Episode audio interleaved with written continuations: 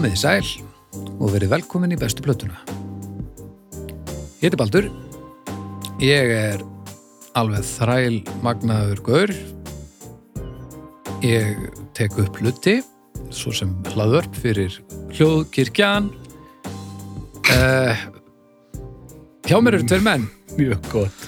Uh, annars þessu þetta- þetta var þetta ekki gott? eða? Þetta var mjög gott. Mjög gott. Hljóðkirkjan. Já, já. Mjög gott, mjög gott. Maður er svolítið búin að vera í músík og svona. Já, já. Doktor Arnar Eggert Já, uh, frá uh, Edinborgar háskóla Edinborgar háskóla. í Edinborg Edinborg. Sko, doktor frá Edinborgar háskóla Þú ert ekki frá Edinborgar háskóla Nei, nei Nei, doktor Arnar ekkert Frá Edinborgar háskóla uh, Tónlistafræði Mm. Gott stöf Já, Snæbjörn, gaman á tónlist. Snæbjörn Ragnarsson Já. uh, Þú ert í þann líka Blessaður Blessaður Hvað segir það? Við bara, við, við erum menn nokkuð nettir. ha, Hérna, það er svo mikið hérna, mentadrull í þessum, þessum opnunum alltaf Já. Það er alltaf eitthvað, já, svo er Arnar ekkert hérna, doktor og bla bla bla bla bla og svo kemur bara, svo er Bibi Hvað Mér, ég ég, ég, mér líður mjög illa yfir þessu. Svo er Snæbjörn Ragnarsson hérna Tíu í samrændi prófunum í starfræði það sem að hérna, ég get gert í þessu væri náttúrulega að hérna, Fær í skóla? Já halda þættinum gangandi nógu lengi þannig að ég verði orðin doktor í einhverju. Skrái ég með einhver, einhvern rosalegt. Já, svo er það með Dragnarsson hérna doktor í lífendarsam geimferufræði. Já, geimferu, ég veit ekki hvað það er. Hvað læri maður það? Ja, hvað læri maður að vera doktor í tónlist þetta er svona hvað gáðulegt Skotlandi, ertu ekki að lusta það? já, fyrir ég bara líka til Skotland. Okay. Uh, já, þeir eru bara þrælræsir, heyrðis mér já, Já, já, já. já. til í hérna mál dagsins. Já, já. já, Fullkomlega. það er gott, ég ætla nú fyrst að fræða ykkur aðeins um hérna uh, hljóðkirkjuna. Já hljótaran Hljó, hljótaran já, ég, ég kalli þetta bara hljótaran já, akkurat. Uh, hljóðkirkjan. Uh, hvað hva var þetta slókanir sem komst með? Eitthvað- hlaðborð, hlaðvarpa. Hlaðborð, hlaðvarpa Maður er snillingur. já, já, er Hver var að tala, sko, eh, þarf að, þarf að drulla yfir þennan manni hverju meinast á þetta hérna, þessi ma- maður er meistar. já, já, en ég meina maður þarf að halda meisturum á tánum sko. Já, þetta er svona bræðra, bræðra, bræðra við, sko, bræðra við, sko. uh, Við Hlað, erum- hlaðbor hlaðvarpana. Hlaðborð, hlaðvarpana Við erum með sex þætti í gangi vikulega frá með síðustu viku Já, þetta er óhóf uh, Á mánudögum þá er dómstagur Allir mánudagar eru dómstagar Það var nú svo sem verið það í, í lengri tíma en hlaðvarpið hefur verið til en, en við ákvaðum að ítrekka þá upplifun flestra. Á þriðutum er það kokkaflakki Eirun það er hann Óli fram reyðslu meistari að tala við áhugavert fólk um mat og drikk Á miðvíkudögum þá er það draugar fortíðar. Það er Flósi Þorgesson, sakfræðingur og gítarleikar í hljómsdunni Ham að segja mér frá einhverju sem er búið og oftar en ekki þá veit ég ekkert hvað hann er að fara að segja. Og svo skreiti ég þetta með alls konar hljóðum sem mér finnast skemmtileg. Á fimmtudögum er það hann snæbjörn þarna, svo ómentaði að tala við fólk. uh, hann talar við, uh, við menta fólk já, uh, og heldur í við þau, þannig að það er, það er bara nokkuð vel leist. reyna að sneiða hjá helstu málvillum þrátt fyrir Já, þrátt fyrir mentunarleysið Nákvæmlega en, er nú, en við menna auglustlega þá er ekkit öll samtölunum afstæðiskenninguna en, en hérna, hann bergar sér. geimferufræði, sé ég var sagðan sé ég sagðan Svo eru föstudagarnir ansið drjúir sko, nú þessa dagana, það er annars vegar við besta platan, sem er sekkið og, og elskið, Svakalegt, sko. svo er það líka uh, nei hættu nú alveg frá mig síðustu viku. Nei, hættu nú alveg. Já, þetta selur sér sjálft þetta helviti maður. Erum við þá konið í beina samkeppni við, við annan þátt nei, Nei, við erum við á sama tíma? Já. En ég meina fólk, fólk getur bara hlusta á hitt fyrst og hitt svo hitt. Já, en ég meina við erum ekki til samkeppni við okkur þegar að þetta er allt undir sama hatti sko. Er, nei. En hérna það er, já, Vilji Naglbítur þetta eru þættirnir, basically þættirnir sem að voru í, í ríkisútvarpinu í, í fjölda ára. Já, Nei, en nú er það komið í hlaðavars form og náttúrulega við þær breytingar þá er þetta kannski svona aðeins uh, svona frjálslegra. Það er hægt að segja hluti í hlaðvarpi sem maður getur kannski ekki endilega sagt í, í ríkisútvarpinu. Þannig að þetta er allt saman mjög skemmtilegt og Anna Svafa og, og Viki eru þarna liðstjórar eins og, eins og svo oft áður. Þetta var alltaf þannig var að rúf manni að hann, ef hann sagði eitthvað svona ósæmilegt Mm, þá, já, þá hérna gaf hann alltaf upp hérna e-maili hjá, hjá útastjóra hann gerir það þá sko. Það hafði bara, bara samband við, Pál Magnússon útastjóra þegar það var og, og, já, hann gefur, segir, hann gefur ennþá alltaf upp, númeri bara upp í efstaletti en En núna fyrst hann er hérna komin official undir hljóðkirkuna fyrir hann ekki bara að gefa símanum hjá okkur? Því að ég nenni því ekki nei, ég nenni ekki.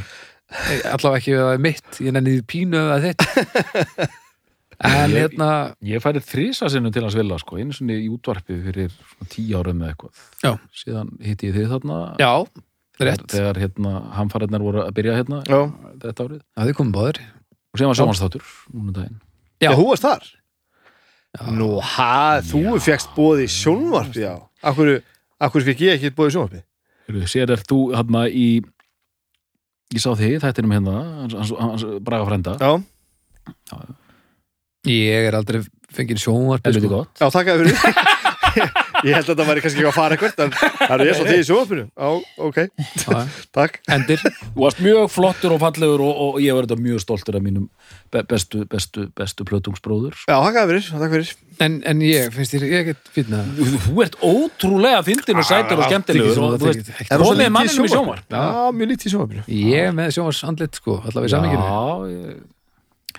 Já, ég, Hérna, en þetta er allavega eh, farðu að tekja á nei hættinu alveg. Það er glæsilegt að þau er skemmtilegt. séu komin hérna inn í þetta batteri og, og mikið stuð. Þannig að þetta er vikan, vik eftir viku þá er þetta svona. Og hérna, þið hlustið bara þið getið bara sagt upp í vinnunum ykkar og byrjað að hlusta. En hingað erum við konir til þess að ræða músík. Já, og þá sérstaklega eina plötu mm sem, Já. að, sem að Bibbi ránaði með. Já, ég er ánægð með þessu bötu og ég hef nú svona kannski á tilfinninguna að, að dótturinn hafi einhverju skoðanir líka? Ég, Já, við verðum nú að tala um þetta. Já, ekki, Þessi erum er komin. ekki komin á það? Það erum að taka einhvern smá tíma frá við þetta helviti Já, já. Við verðum nú að tala um þetta. Það er besta plata Joy Division. Joy Division. Djötuvision, já. Já. Það er, og það, er, það er bara um tvær plötur að velja, það er Já. annarkort fyrsta platan á Non-Pleasures frá 79 eða Closer frá 1980 Það er þannig. Það er bara Það er það, þannig, Snæbjörn, viltu kannski bara hérna, rífa plásturinn af og segja okkur? Ég get alveg, alveg reynd að veikum mætti að segja eitthvað sko en, en ég held að ég sé nú ekki eh, eh, nú ekki sá sem að fer með flestar staðarindir hér í þessum þætti. Nei, í síðasta þetta, þá sem sagt tókum við póks fyrir svona þið saman. Uh, við ætlum alls ekki að gera núna. Nú ætla þú að sitja á þeia og ég ætla að sjá þið þrútna þangar til hann hættir að tala, hann Snæbjörn og svo tekur þú við. Já, já. Vilt að ég tala þetta alltaf í gegn? Þú byrjar, já, Andskotin.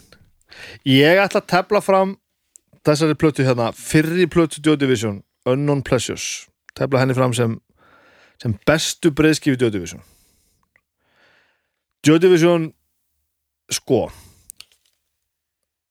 fjögra manna band stopnað í, í Manchesterborg árið 1976 um, Ég ætla að hjálpa honum í gænum þetta sko. Alveg, alveg saman hvað það segir. Ha? En ef þess þarf. Já, já ég, ég vil bara sjá þið þrútna smásot Uh, Já, ég, ég, ég held við þurfum strax að tala um Ma Manchester Borg og, og það sem frá henni kom á þessum tíma. Mm. uh, Manchester er miðpuntur innbeltingar í rauninni á þessum tíma. Þetta er bara uh, niðurrif á einhverju fallegu og uppbygging á einhverju ljótu skítur og drulla um allt og sé, sést falla til sólar og hvergi grætt blettur þetta er því miður bara satt Já, og, samt fyndið Já, og en, en, en, en, en sko er einhvern veginn þessar plötu sem kom út á þessum tíma sem eru frá Manchester mm. og þetta nú kannski svona í forgurinn myndi ég segja, er einhvern veginn bara gluggi inn Já. í samfélagi eins og varðana sko. Ég minna útgáfi fyrir þetta ekki heiti Factory sko. Já. Það segir segir Já, nýtt já, það segir já. ymmislegt uh, Gítarle Gítarleikarinn nefndi það að hann sá tré í fyrsta skipti þegar hann var 11 ára. Svo hann Já. tré?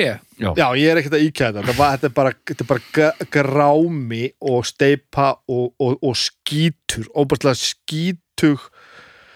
Og alltaf talað um hana svona the grimy city, eða allt þetta græm þetta, hvað maður að kalla þetta svona sótrygg þetta norður England bara allt, allir þessi bæir sko Hvernig fílaði hann tré? Hann, hann, hann var nú er bara? Já, Gott já, já. eins og svo margt annað sem að við tölum um og, og hérna höfum farið yfir sérstaklega sem kemur frá Breitlandi kannski á, á, á þessum tíma e- eða kannski já, á þessi tími og, og aðeins hérna influensað óbúslega mikið af fyrstu bresku punkbylgjunni Mhm. verandi þá, ég held að þurfum kannski aðalega að tala um Sex Pistols eða ekki Já. í þessu samingi sko. Já, já, og klass og, og meira. Eh, og þessir gaurar einhvern veginn rotta sig saman og þetta eru náttúrulega fjórir mjög legendary menn ég held að þetta er nú kannski fyrstan þarf eiginlega að nefna söngvarinn Ian Curtis Mhm. sem er náttúrulega svona ofbáslega góðsagna kendu maður. Já. Eh, allir muni hvað er heita Bernard Summer er gítarleikarin sem setna spila hann líka á hljómborð. Mhm. heita hann ekki Peter Hook? Peter Hook, bassaleikarin og Stephen Morris trommari. Tíu. Þauðum allir upp frá dóttornum sko, þetta Stóðst gengur þetta ekkert próf? svo illa. Uh, þeir, þeir eru held ég fyrst tveir uh, Peter Hook og, og Bernard Summer auglýsir svo eftir mönnum og, og þetta gengur held ég hann þeir, nú- þeir tveir eru svona fóstbræður sko. þeir eru tveir, það já og, og, og það er sem snert þannig Já, þeir tveir eru fóstbræður úr einhverjum hluta mannsins sem ég man ekki hvað heitir núna á meðan Ian Curtis og hérna og Stephen Morris voru svona útkærfis já já þeir, þeir eru Ah. svona uppar Að- Já, að- aðeins fítnið sko. Merki kertis Já, já, svona pínu merkikerti sko. og þeir einhvern veginn auglýsa bara eftir, eftir meðlumum og eitthvað svona ég held að Stephen Morris hafi verið síðasti maður sem gekk, gekk til liðs við bandið, það voru einhverjum trommar hann á undan held ég og þeir bara eins og eins og ungir menn í þessum hugleggingum bara einhvern veginn leggja af stað Mm. stopna bandið Warshaw Mhm. spila einhverja tónleika tónleika upptöku með þeim Já, já, það er hérna Þetta er búktlegg hérna sem hefur komið oft út undir alls konar nöfnum sko, svona demo upptökum með Warsaw sko, og þá Mm. er þetta bara punk sko. það er bara punk nefnilega og það er bara svona drullupunk og frekar óáhugavert það, það, það er svona það er bara svona eins og óáhugaverða útgáfan af Sex Pistols punkinu öllu saman, það er bara svona bara svona alger punk meðal mennska Já. um, en helviti sko ákaft skulum við segja, það er svona þróttur í þessu já, um, þeir voru til í þetta það verður seint sagt að þeir uh, hafi verið góður að spila að það Já. sko, Stephen Morris er ekkert slæmi trommuleikari hini tveir gítar og bassi á þessum tíma þeir geta eiginlega ekki neitt Nei, nei. það er eiginlega bara alveg þannig þeir eru bara, eru bara mjög lélegi sko. Já. svo kemur Ian Curtis með þessa rödd sína Mhm. og, og skulum ekki gleyma því að við erum að tala þarna um sko 76, þá er þið bara sko 17 eða eitthvað já, já. 16, 17, og hann byrjar hérna já að- 17, 18 kannski, 18 þetta er svona eins og þeir sem hafa fylgst með Simpsons að hann breytir röddinni sko.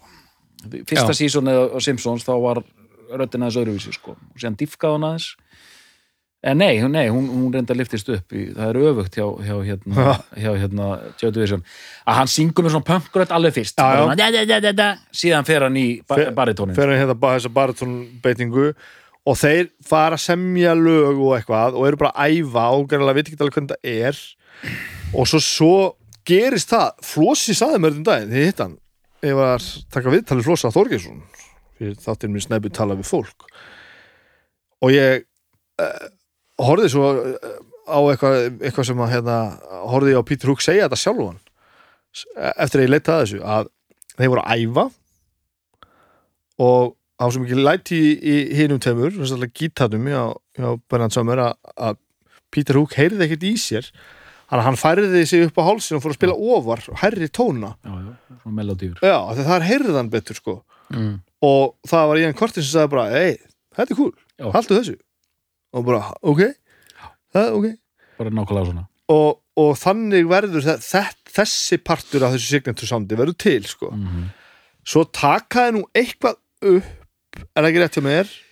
Jú, ég, hérna, ég er út að gleyma eh, hérna, það síðasta sem ég gerði með Joe Division var að ég las bók eftir hann Jón Savets sem var svona viðtalabók. Hann hafði skrifað eina bók um þá og hann gaf út bók þar sem svona The Oral History of Joe Division þar sem bara allir svona helstu hérna personur og leikandir að segja söguna sko já, ég reyna að muna eitthvað hérna þeir gerðu heila plötu fyrir sko, eitthvað stórt leipel sko.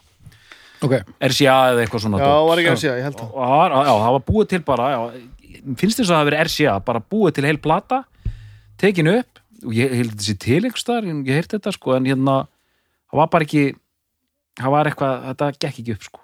Og hún, hún bara, henni var bara lagt sko.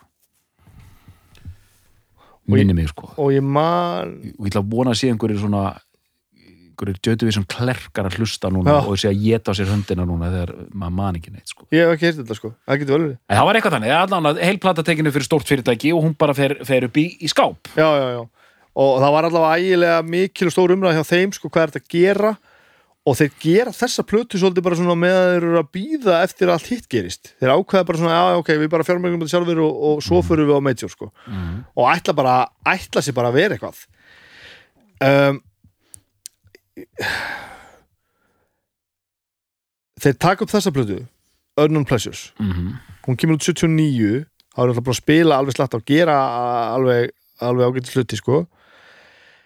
Uh, og þessa plötu pródusera maður sem heitir Martin Hannet. Martin Hannett Mm -hmm. hann er brjálægur Gammal hippi. alveg gallsúr uh, hann á svona old school dílegræðu svona hljóðbreytigræðu einhverja Mm og hann setur trommunar í gegnum þetta tæki -hmm. og þar fæðist þetta nýbylgu trommusand sem er partur af því er hvernig hann trommar en hinn parturinn af því allt þetta dílega sound og þessi, þessi stór undalegu bara, já, þetta stór undalega þessi stór undalegi hljóð heimur Mm. mm.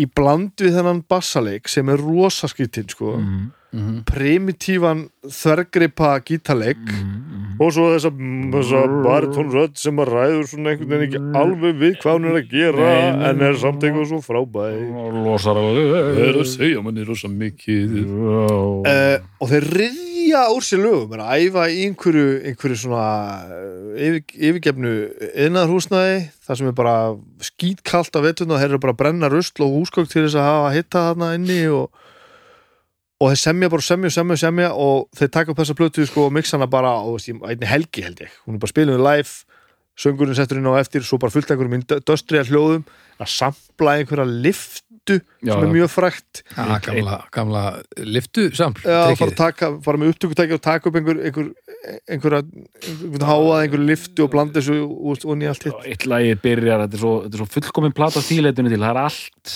uh, sko, umslæð og allt þetta, þetta er allt rétt. Og þú veist, eitt lagi byrjar einmitt með svona þetta er svona industrial sound bara svona kling, bara til að undirstreika Já. allt þetta dæmi sko. Og hérna já, og þetta tekið mjög, og, og, og fleiri lög það voru tekin upp 16 eða 17 lög í þessu sessjónu sko. Já, já, já, og einmitt. lögin sem fóru ekki inn á plötuna það, það, þau eru alls ekki síðri sko. Þú sendur okkur hlekk hana á, á alls konar hlu- hluti sem að hafi þó að við tölum ekki saman gott fólk fyrir, fyrir, fyrir þessa þætti um, um, um efni þáttana þannig að við viljum koma hér feskir að samtalinu og vera ekki búin að tala út um eitt eða neitt þá gerist það nú oftar en ekki og þá yfirleitt er það doktorinn að verki að hann sendir okkur svona eitthvað ítarinn til þess að skoða Já. þetta eitthvað sem að eitthvað sem að stendur hún nærri og í þetta skipti voru það sem sagt óútgefnu lögin með, með Joy Division eða þessi lögin sem kom ekki út á þessum breiðskjöfum sem við tala um sko. eða þú átt þetta bara á LP Já, já, Vá, dregur maður. þetta upp hérna mikið er þetta fallegt Joy Division Substance 77 til 80 og þetta, ég, ég hlusta á þetta og þetta er náttúrulega, þú veist það er ekkert nýtt hérna eða þú veist, ég upplifði það ekki ég, Já, ok. þetta er bara meira því sama já, já, þú þekktir, þekktir sándið sko. ég þekkti soundið og þetta var bara ég bara heila áttaði mikið á því að þetta væri, væri til sko, í þessum gæðum líka en það sem gerist í stuttum mánu það, þetta gerist 79 og Unknown Pleasures kemur út og hún verður bara monster hittari mm -hmm. hún bara gjössamlega breyka Bretland alveg Mhm. og víðar og þeir eru bara eh, bara þeir, bara heið heitasta heitt og eru bara fatt að spila í öllum hvað, ég er skáld þeir eru Já, heið heitasta heitt og er fann spila bara í sjónvarsáttum og útvarsáttum og, og, og, og smáskifunar eru bara repeat út um bara, og þetta selst allt upp og það er verið að byggja mjög útvarpi viðstöðurist því að það er ekki hægt að fá plötuna, plötuna út í búð og þetta er bara áherslu, þetta er algjört brjálæði sko. Mm. og skulum við ekki gleyma því að það eru fjórir mannsististrákar sem hafa bara aldrei komið út fyrir mannsistir og þeir fara á einhverja túra túra eitthvað aðeins. Evrópu og svona eitthvað, eitthvað dót sem eru risa stóru upplifin fyrir þá Mhm. og þetta bara stækkar og stækkar og stækkar uh, svo líður náttúrulega ekki nema ár þá er að gera setniplötunum sína Mhm. sem er til Closer Mhm. uh, á þeirri plötu er náttúrulega Love Will Tear Us Apart- Nei, það er ekki á þeirra blötu Eh, fór það ekki inn á plötuna? Nei, það var frístandandi sko. Er það ekki, er það einhverju endurútgáfu sem að, Gæti verið sko. Mm. já, En ekki partur af verkinu sko. það var ekki partur af plötunni Það var loka, Þetta var loka, loka útspilið þeirra Bara frístandandi singull sko. Já Eftir að platan kom út? Já. Nei, Jú, eftir að stóra platan kemur út ok Ég held að hann sé ekki að ljúga þér sko Nei, ég bara, held ég sé þá bara um, Var, Var- var, var- allar rauksendinir að falla niður nú? Nei, eh, ég held ég, ég held ég hef bara lifað í einhverjum einhverjum, einhverjum, einhverjum rökvillu þá bara frá því að ég byrjaði að hlusta að kynna með bandið eitthvað Var Closer, var hún komin út þegar Ian Curtis dó Nei, hún kom út eftir hann dó sko. og Lev- Love Will Tear Us Apart kom út eftir það Finnst það? það Við skulum bara fletta því upp sko. Ok. Ó, þetta er svo flott plata. Við erum hér með eintækið hans Arnars af Já, já, já, akkurat. Já, ég, ok. Er, þa- Þannig, ertu að segja mér það að Closer kom út fyrst og svo kemur Lo- Love Will Tear Us Apart? Love Will Tear Us Apart kemur út í júni 1980 Aha, Closer í, í júli.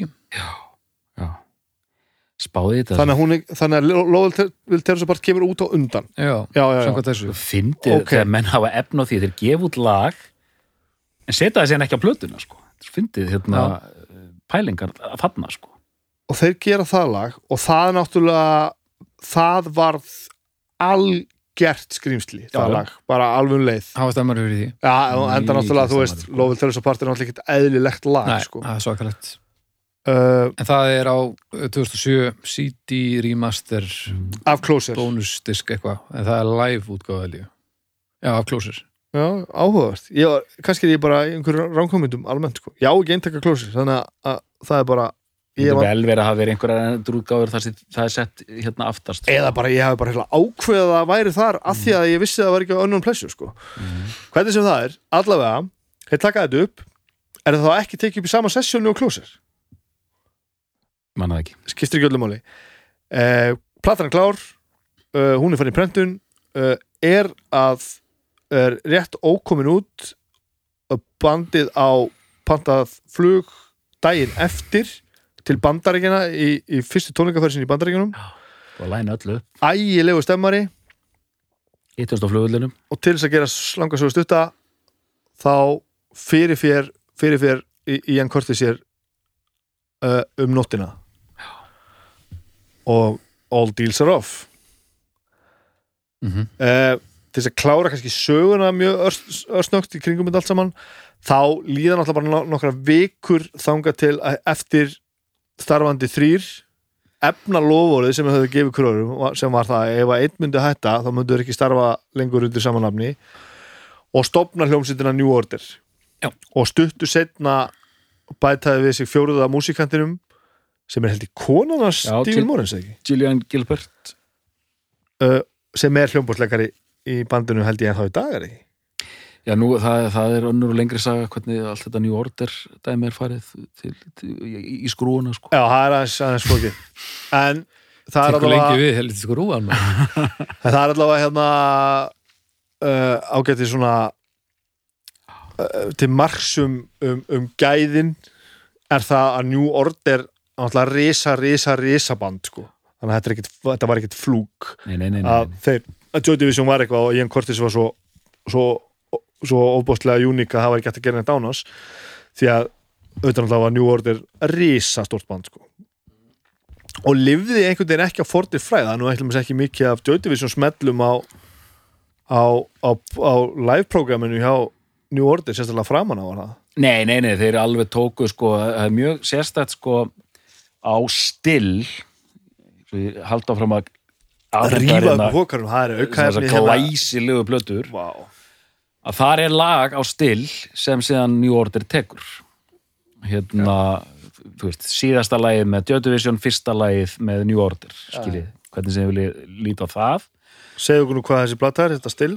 Still, þetta er sem sagt, það þarf að hva, Flocking a Dead Horse, það þarf að hérna, blóðmjólka allt, sko. Já. þetta kom út eftir að bandið hættir. Mm og þarna eru tónleikar á hlið 3 og 4 og bara óutgefin lög á hlið hérna 1 og 2 þetta er flott maður. og allt bara glæsileg lög, sko. Hérna, það er rosa mannsistirlegt já, já, allt í þessum faktori stíl, sko. Og hérna, geðslega flott maður. en sko en þau skip, þú veist, þau halda áfram með bandi þau voru aðeins byrjuð að pota í einhver svona elektróniska músík. Það er hljóm svona, svona, svona brútal synthi á, á Closer og þú veist, það, það, er aðeins byrjuð að færa synthana inn sko.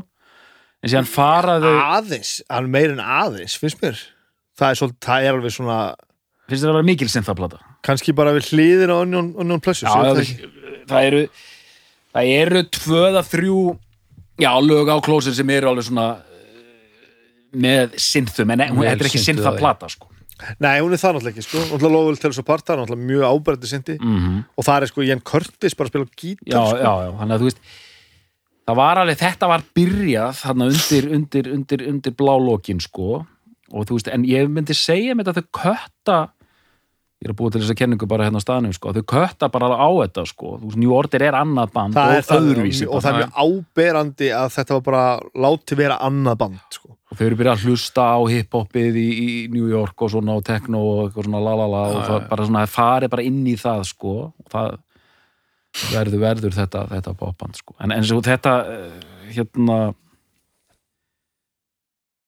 þú lístir þessu öllu mjög vel. Hakkaði fyrir, bara glæsilegt. Stiklaði á stóru þannig stiklað á stóru og allt, allt bara uh, hár rétt sko. Mér langar bara að byrja strax að tala aðeins um þessar tvær plötur af því að þetta er svo merkilegar hérna, ég er bara að tala um breiðskjöfna núna Mhm. sko, þessari, þeim fannst þessi plata hræðileg sko, Já, þeir eru saman Já. að það Peter Hook og Bernard Summer allavega að, Sumner að, að þessi plata sé skelvileg já, þeir sögðu bara bara. já, þeir, Já, sögðu, þeir, þeir bara þólan ekki sko þeir bara hérna þú veist, þetta, hljóma, þetta hljóma bara svo Pink Floyd sögðu þeir sko Já. sem eins og við vitum hérna þessu þætti það er ekki hægt að fara lengra í, í, í mók, mókun er það band er dreigið hérna Mm. sko allan að því að uh, hérna, upptökustjórin er, er sagt, eldri en þeir og hann er bara svona í svona woozy hérna, og þú veist, þetta er rosa hann, og þetta er alveg rétt sem þeir segja að sko live upptökur frá þessu sama tímabili þá, þá er þetta band alveg algjöru killer sko. Já, það, það, það er miklu, miklu aggressífar og fastar allt saman aggressífur og fastara og bara, og, og bara nokkuð þétt band. Þeir urðu daldið fljótt, daldið þéttir sko Mhm. Já, á einhvern undanan hátt. Já, bara svona, þú veist, við verða bara eins og, eins og gerist nú oft með hljómsveitir er verða betri. Já, já, og hérna bara og allt gott með það. En síðan kemur, þeim fannst þetta sem er alveg rétt, rétt með gaggrinni um flöt platan sko. Já. af því að soundið soundið og, öll þessi litlu industrial hljóð sem hann að setja inn þarna fram og tilbaka þú veist, þeir bara svona Jesus Christ og, og þú veist, en þá kemur þetta að þetta næri ekki að fanga okkur bla bla, bara, Já, já. whatever sko, það, veist, það sem fólk heyrir því út, með þennan fallega ingang er myndum Manchester fólk sagði bara þessi, þessi plata hljóma bara eins og Manchester Já. Mm.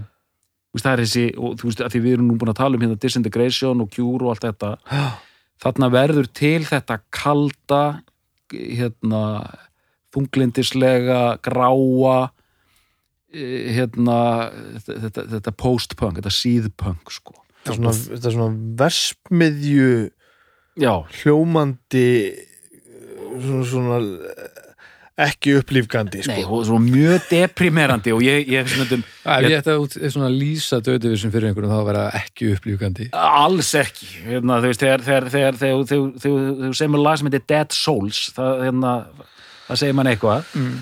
Og ég, ég mér langaði einmitt til að nefna þessum þætti, nota tækifærið að ég ofta verið að pæla í sko hvernig hún er synguð platan, eða þess að hvernig hún er hérna, ekki synguð, heldur hérna hvernig hún er raðað upp. Já, af því að hún byrjar alveg frábælega með hérna Disorder, þar sem hljómsveitin kynni sig.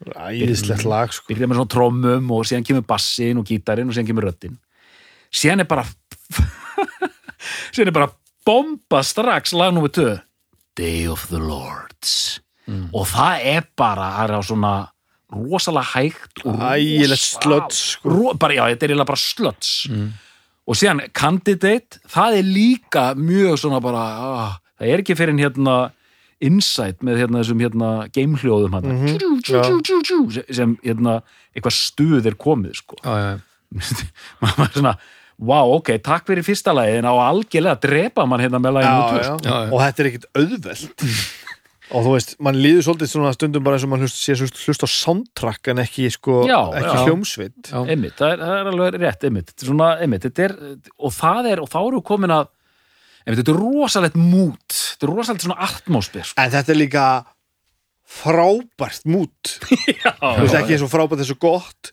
þú veist, þessu, ekki eins og þægilegt heldur, þú veist, hlusta á þessa plötu hún er alveg, þetta er alveg výrað sko. og hérna ég skil alveg að þeir hefðu viljað spila hana betur. Hún er spiluð live og hún er sloppy sko. já, já, já, og þú veist og, og, og og þetta er allt stundur bara mjög skrítið. Bassaleikurinn er oft bara allra að hafa þetta svona og svo bara gera hann þetta aftur bara í næsta ring og bara já, þú ætlum bara að hafa þetta svona. Og það er einhver ótrúlega fín lína að þetta er frábært en ekki hræðilegt. Það er þannig sko. Söngurinn hann ræður ekkert alveg við það. Ég ætla einmitt einna ég minnst þetta mjög einmitt, mjög gott með söngin, ég ætla einmitt að aðeins að nefna það líka á eftir. Hérna sko já, að hérna hvar voru við stættir um, sló ég alveg út að læginu nei, nei, nei, ég- nei ég bara- þarf bara að finna þráðin aftur sko, við vorum hérna hvað vorum við að tala um, hérna hvernig uh, hvernig þetta te- tekið upp? Hvernig þetta hljó, hljómar, hljómar hérna? Já, bara, bara líka hérna, framist að í spilamennsku voru að tala um ef það kveikir á einhverju. Nei, all, ég ætla bara að fara yfir Já, jú, komin, komin aftur inn. Vi, við erum Þarna, að tala um Ace of Base bara svo að svo bandið sér greint sko, þá kemur, þetta er mikilvægt að þetta var fyrsta hljómsveitin með þessari plötu sérstaklega þar sem þeir eru allar þessar hljómsveitir eftir þetta og þið þekkið þetta eins og Interpol til dæmis Já. sem er bara Já, já.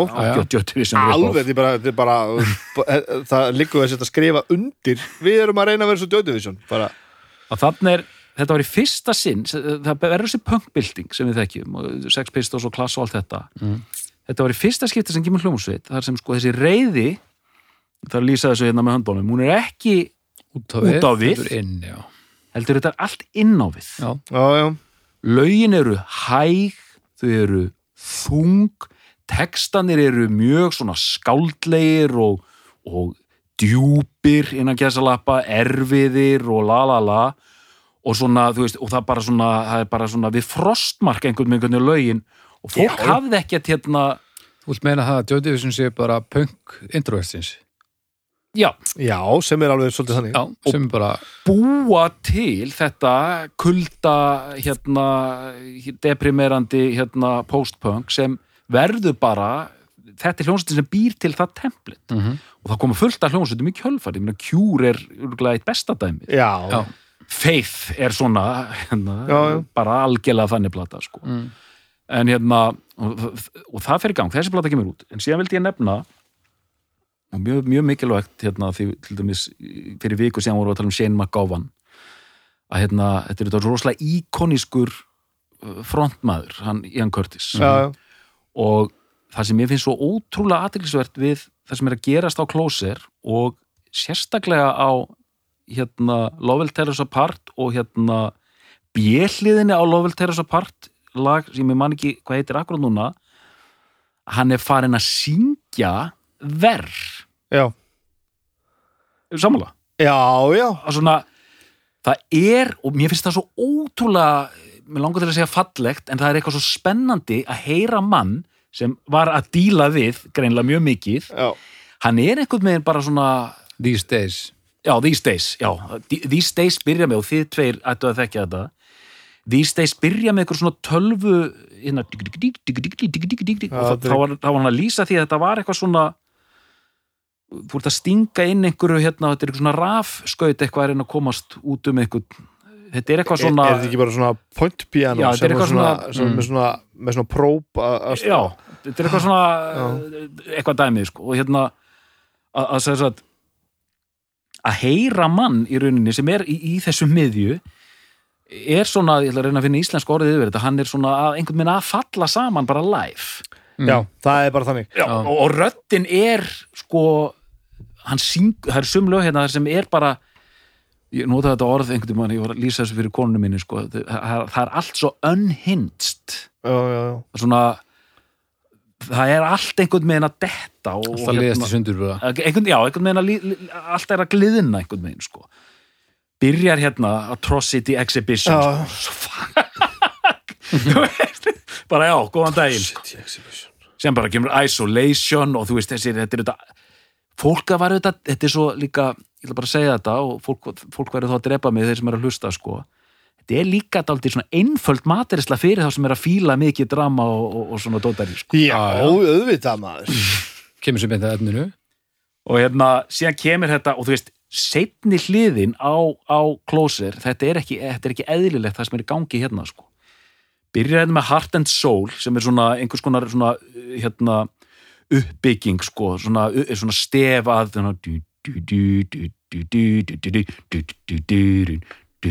rosalegt ekko sko í sándinu síðan kemur hérna 24 hour sem er bara svona brútal gítaratakk sko, bara allan tíman síðan kemur The Eternal og síðan kemur Decades með sinnþannum sko, Decades hljóma bara eins og sko líkfur sko, þetta er bara fáránlega hefi stöf sko. og þegar maður er að hlusta á þessi fjögur lög sérstaklega og bara I stood at the gates of the garden Here are the young men with the weight on their shoulders maður bara svona Mhm. ég skil sko það er til viðtöl við Ian Curtis átti, átti var giftur og átti lítið bad Mhm. konan hans sétt Deb, Debbie já, bara svo liðu tímin aðeins og þá eignast hann kærustu belgíska kærustu. Já. An, Í, já, hérna an, ekki Annika, eitthvað svo leis og það eru til þú veit með e- pílsessjón hérna maður, plata. Já, ég, ég er að skoða þetta er rosa flott eintakið þitt. Já. er rosa flott svona replika af hvernig umslæði var Or, upprunalega. orginal stöfið Mm, orginal sko. já, þú ert með svona eftir á. Ég er bara með eitthvað, eitthvað ódýrt eintak sko. en já, það er, er viðtöl við Já. hana til. Mm Annek þannig An, hvað heitir hún? Annek, hún var belgisk, belgiskur hérna að blaða með. Dó fyrir fimm árum eða stuttur. Krabba minn held ég. Uh, það sem að hún sko segir bara af hverju gerði enginn neitt já, einmitt, einmitt. Að því að sko hann var búin að, að reyna fyrirfæra sér einu sinni já, einmitt, einmitt. og bara rétt slapp og, og svo bara uh, hlustuðu þið ekkert á það sem hann var að segja? Mm hann er bara að segja á closer að þetta sé búið sko. -hmm. og bara af hverju hlustaði enginn á hann? Mm og þeir, aumingja vinnirnas segja bara við pældum aldrei í hvað hann var að syngja. Einmitt. Við hlustum aldrei á þetta. Af hverju við gerðum ekki þegar hann reynda fyrirfæra sér við vorum bara 22 já, ára voru við vissum ekki neitt. Bara, voru bara strákandir sko. Við bara 22 ára og höfum aldrei komið út fyrir mannsestir og við fórum bara á pöppin, við vissum ekkert sko. vorum bara hljómsdræðingu og á pöppin og en, en, en sko hann ábærslega dagfarsprúður mm uh, og svona og vel gefin og lesin -hmm. eh, samdi ljóð og texta alveg á færibandi kom yfir, sko eh, kom, kom yfir á hérna á æfingar með bara fulla vasa af textum sem hann bara klindi svo bara ofan á það sem þeir spiluðu. Og var vaksandi og þeir taka fram eins og með önnum plessu sko. Mhm. og nei, nefndast með báðarplötuna sögðu bara þetta var allt fyrstlétt við höfum aldrei fyrir neinu. Já, að semja nokkuð skapa hann þetta rann bara upp úr okkur. Og, og hann svona já svona einhvern veginn, góður gaur og eitthvað svo, svo er ég, sko, mannið er að lýsa því held að þessi Bernhard Sömmur sem er að lýsa, Sömmur sem er að lýsa því þegar að hérna þeir eru á leiðinni heim eftir eitthvað gig sem gekk held ég eitthvað illa og eitthvað að kera melli borga eitthvað, hann liggur eitthvað með eitthvað teppi eða Já. eitthvað sveppóka ón á sér eða eitthvað og í hann korti sér eitthvað kvart undan þessu Mhm. og rýfur á hann sveppókan Mhm. Og þeir fara eitthvað, að kýta og eru mjög ólíkt honum að það var yfirleitt svona respektfúl og svona Já, já. hjálplegur og, og upp, upp, upplýfgandi og sérst enda með því að hann vefur sveppókanum utan þessu, utan um hausin á sig bara og, og byrja svo bara að gefa frá sér einhver, einhver, einhver óhljóð urra og gelta og eitthvað og fær svo bara full fit. Já, já, bara, bara flóg Já. Og það er sérst fyrstskipti sem að allavega þeir sjá hann fá flóga kast Mhm. það sem er bara draga hann til bílnum og bara halda hann niður svo hann bara með þessi ekki og hann fyrir sérst að lætur aðtuga þetta með þessa flóðaveiki og hann er alltaf bara mjög, mjög veikur eftir Já. þetta færa hann bara mjög reglulega Mm. mjög slæm flóg Já. sem hann á bara mjög erfitt með og, og, og er í raun hægt að gera neitt við og honum er bara sagt að hætta að drekka að fara að snemma að sofa og vara splikkandi ljós og hann er, hann er frontar í já. Mhm. þú veist þetta gengur ekki upp og ónað þetta er hann þú veist þetta, hann, hann er bara veist, þetta er algjörlega hóplis og hann er bara krakki eða þannig sé bara rétt komin yfir tvítugt og ræður ekki neitt við neitt. Svo er hann bara bann og konu einhvers staðar búin að klúra því einhvern veginn stendur einhvern skilnaði á einhverja kærustu og er að djögla þessu. Gat ekki, og ég myndi ég lasa um þetta gat ekki valið, hann var svo meðurkur og hérna óörgur, og hann langaði að vera með þessar og hinn, já, já, ok. Bara þú veist, bara allt sko, þú veist og einmitt 20 22 eða 23 sko. já, Já, og hann spurði hann hann spurði hann, hvað er hann, Bernhard já, spurði hann hvort hann ætti að gera og hann ætti að, að taka afstöðu já, hvort hann ætti að vera með kunni eða eitthvað. En það sko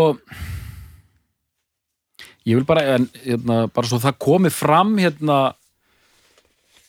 uh, og sérstaklega textanir á klósir eru margir, það eru margar alveg frábærar sko, bara svona biblíulega línur sko. þú veist hérna bara svona já og maður svona veist það er alveg þetta gaggrinaði fyrir að vera tilgerðarlegar eða eitthvað svoleiði sko en þú veist þetta er bara svona hann er 20, og- 23 ára og er bara semja það eru svaka leiði textar já, sko. já, þetta er geðvegt Ótrúlegir, stöf sko, sko. alveg briljant og magna dæmi og maður bara svona bara wow sko. Og ég hérna, og svo að komið fram í þessi þætti, ég, þetta er eina mínum hljómsveitum sko, mm já, ég þek- þekki hvert einasta slag og hvern einasta tón og hver einastu melodíu utan að og gjörsalega sekk reglulega algjörlega ofan- í þetta sko, Já. ég bara svona tilbyð hérna uh, tilbyð á, á, alltaf þessar hljómsveitar þú veist einhverja hluta vegna, ég bara, þetta var eitt af þessi greip mig, ég var 15 ára þegar ég var að vinna steinum sko, þá var þessi plata nýkomin út hérna Substance.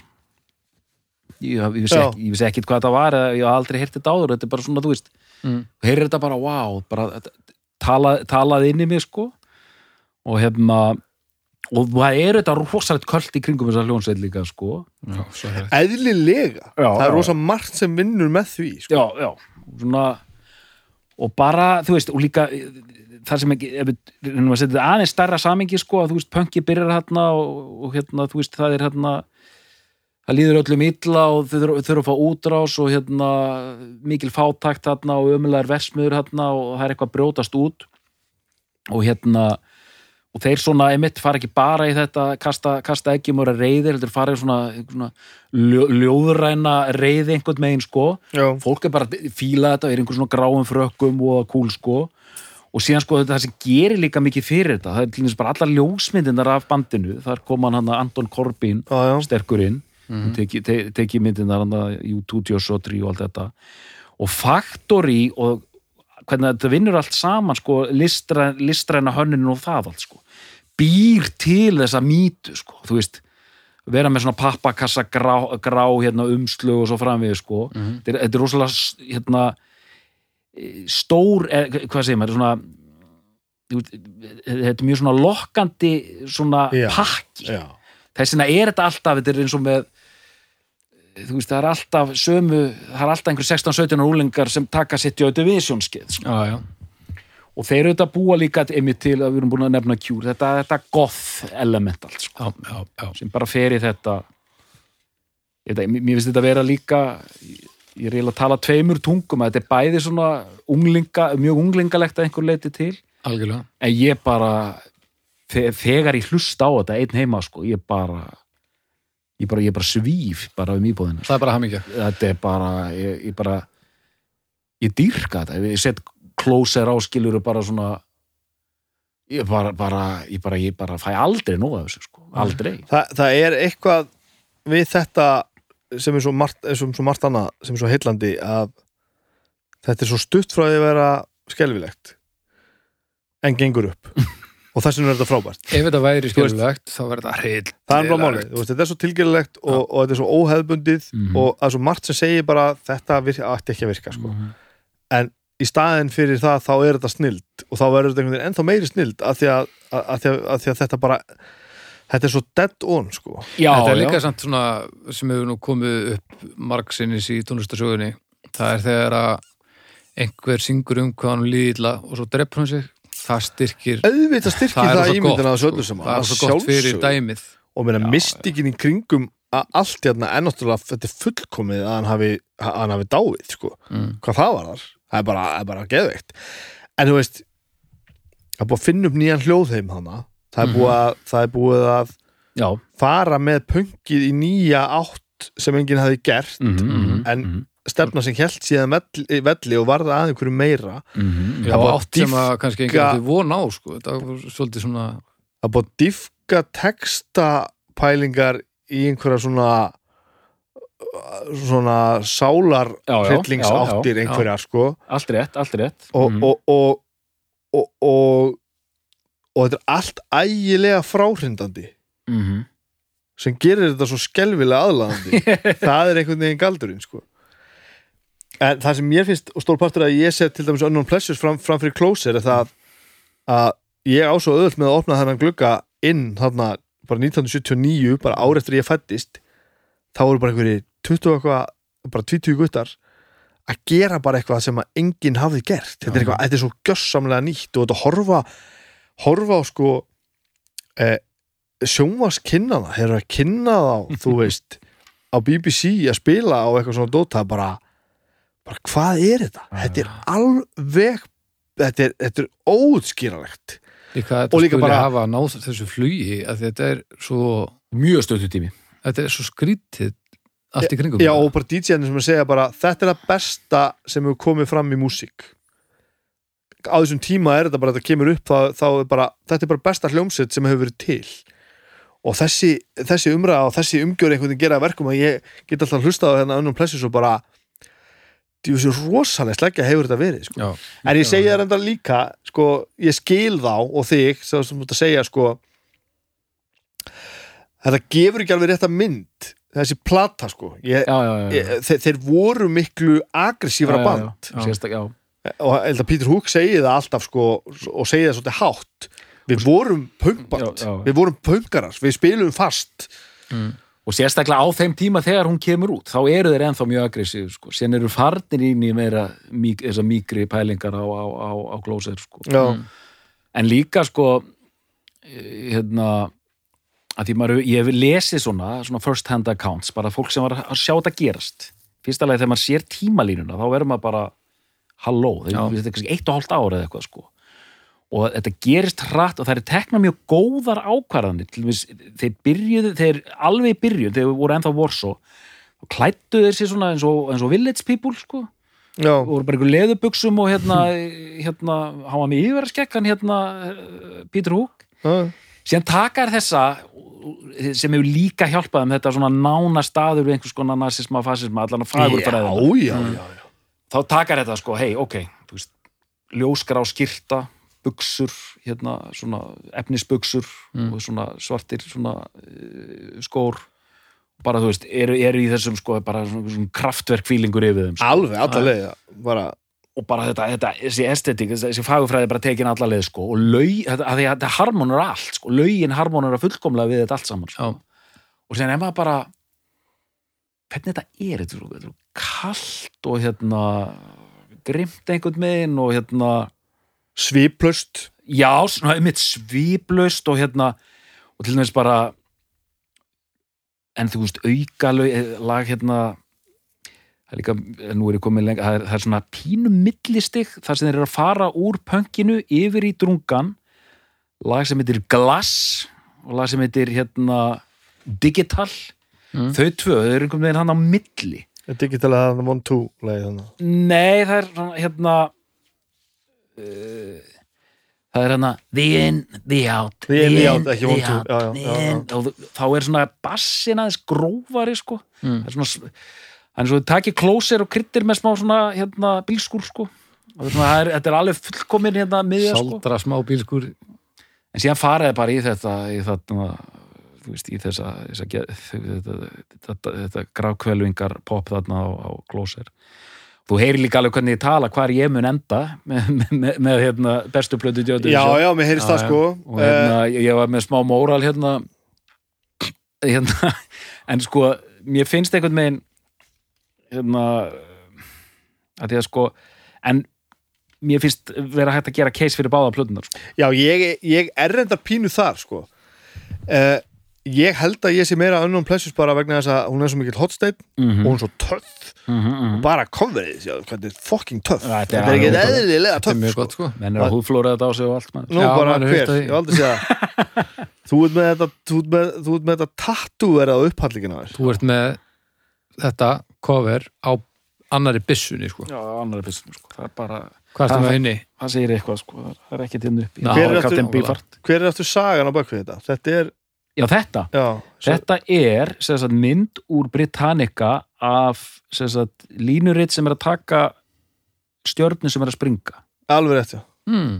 þetta er, þetta er ekki jarðskjöld þetta er sem sagt, stjarnar sem er að springa einhvers staðar leng, lengst út í geimi. Já, já. Og hvað- upprunalega myndin er svart á hvítu sko. Já, já. en hann, eins og þú ert með já, eins og ég er með hér á Hann hljóð handlegnum hvítur. Af því ég er hvítur sko, heppin þar sko. Mm. hérna, en síðan hérna snýr hann þessu við hérna á, á, á annan pleysir sko Hvað heldur þetta sé á sem ekki, Ég er ekki? Jó Ég held að þetta sé alveg uh, va, uh, svona drasla dett úr hillum.